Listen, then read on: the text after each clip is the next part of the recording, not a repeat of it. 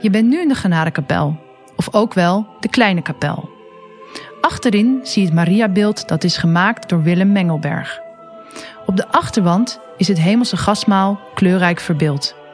Voor katholieken is dit het einddoel van ieder mensenleven, om bij God de Vader in de hemel te zijn. Links op de achterwand is het wonder met de schipper op zee afgebeeld. En aan de rechterkant zien we enkele werken van barmhartigheid. De tafereelen op de zijmuren tonen belangrijke momenten uit het leven van Jezus en Maria. De annunciatie, de geboorte van de Heer, de opdracht van Jezus in de tempel, Jezus die wordt teruggevonden in de tempel, Jezus die sterft aan het kruis en Maria's kroning in de hemel.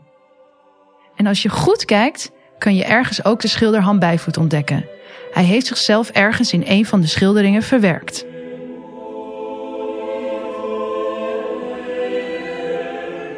En naast alle kunst is de Genadekapel een belangrijke plaats van bezinning. Rector Jeroen de Wit vertelt wat hem raakt op deze plek. Ja, wat ik bijzonder vind aan deze plek van de Genadekapel is, is het besef dat wanneer je hier binnenkomt, dat je weet dat er op deze plek al 600 jaar gebeden wordt. Dat hier al 600 jaar mensen komen, ook zelfs in de tijd dat er geen kapelletje stond, dat er toch mensen kwamen hier om te bidden tot Maria. En ik geloof dus vast dat God deze plek daartoe bestemd heeft, heeft, voor, heeft uitgekozen. En daarom is het beeldje hier op deze plek gevonden.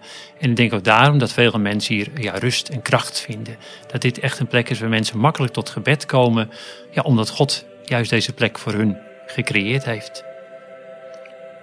Eerst word je in deze kapel gegrepen eigenlijk natuurlijk door de mooie afbeeldingen die er zijn. En die zijn ook prachtig. Maar eigenlijk het mooie begint nog meer wanneer je op een gegeven moment je ogen gaat sluiten. En weet dat Maria hier op een bijzondere wijze aanwezig is. En dat Maria ons altijd naar Jezus leidt. En wanneer wij dan stil zijn, wat stil te nemen, wat tijd nemen. En dat is ook wat de meeste mensen hier gewoon doen. Wat stilzitten, wat mijmeren. En dat mag je gebed noemen. Dat is ook gebed. Gewoon stil zijn bij de Heer. En dan openstaan voor wat God misschien tot je wil zeggen.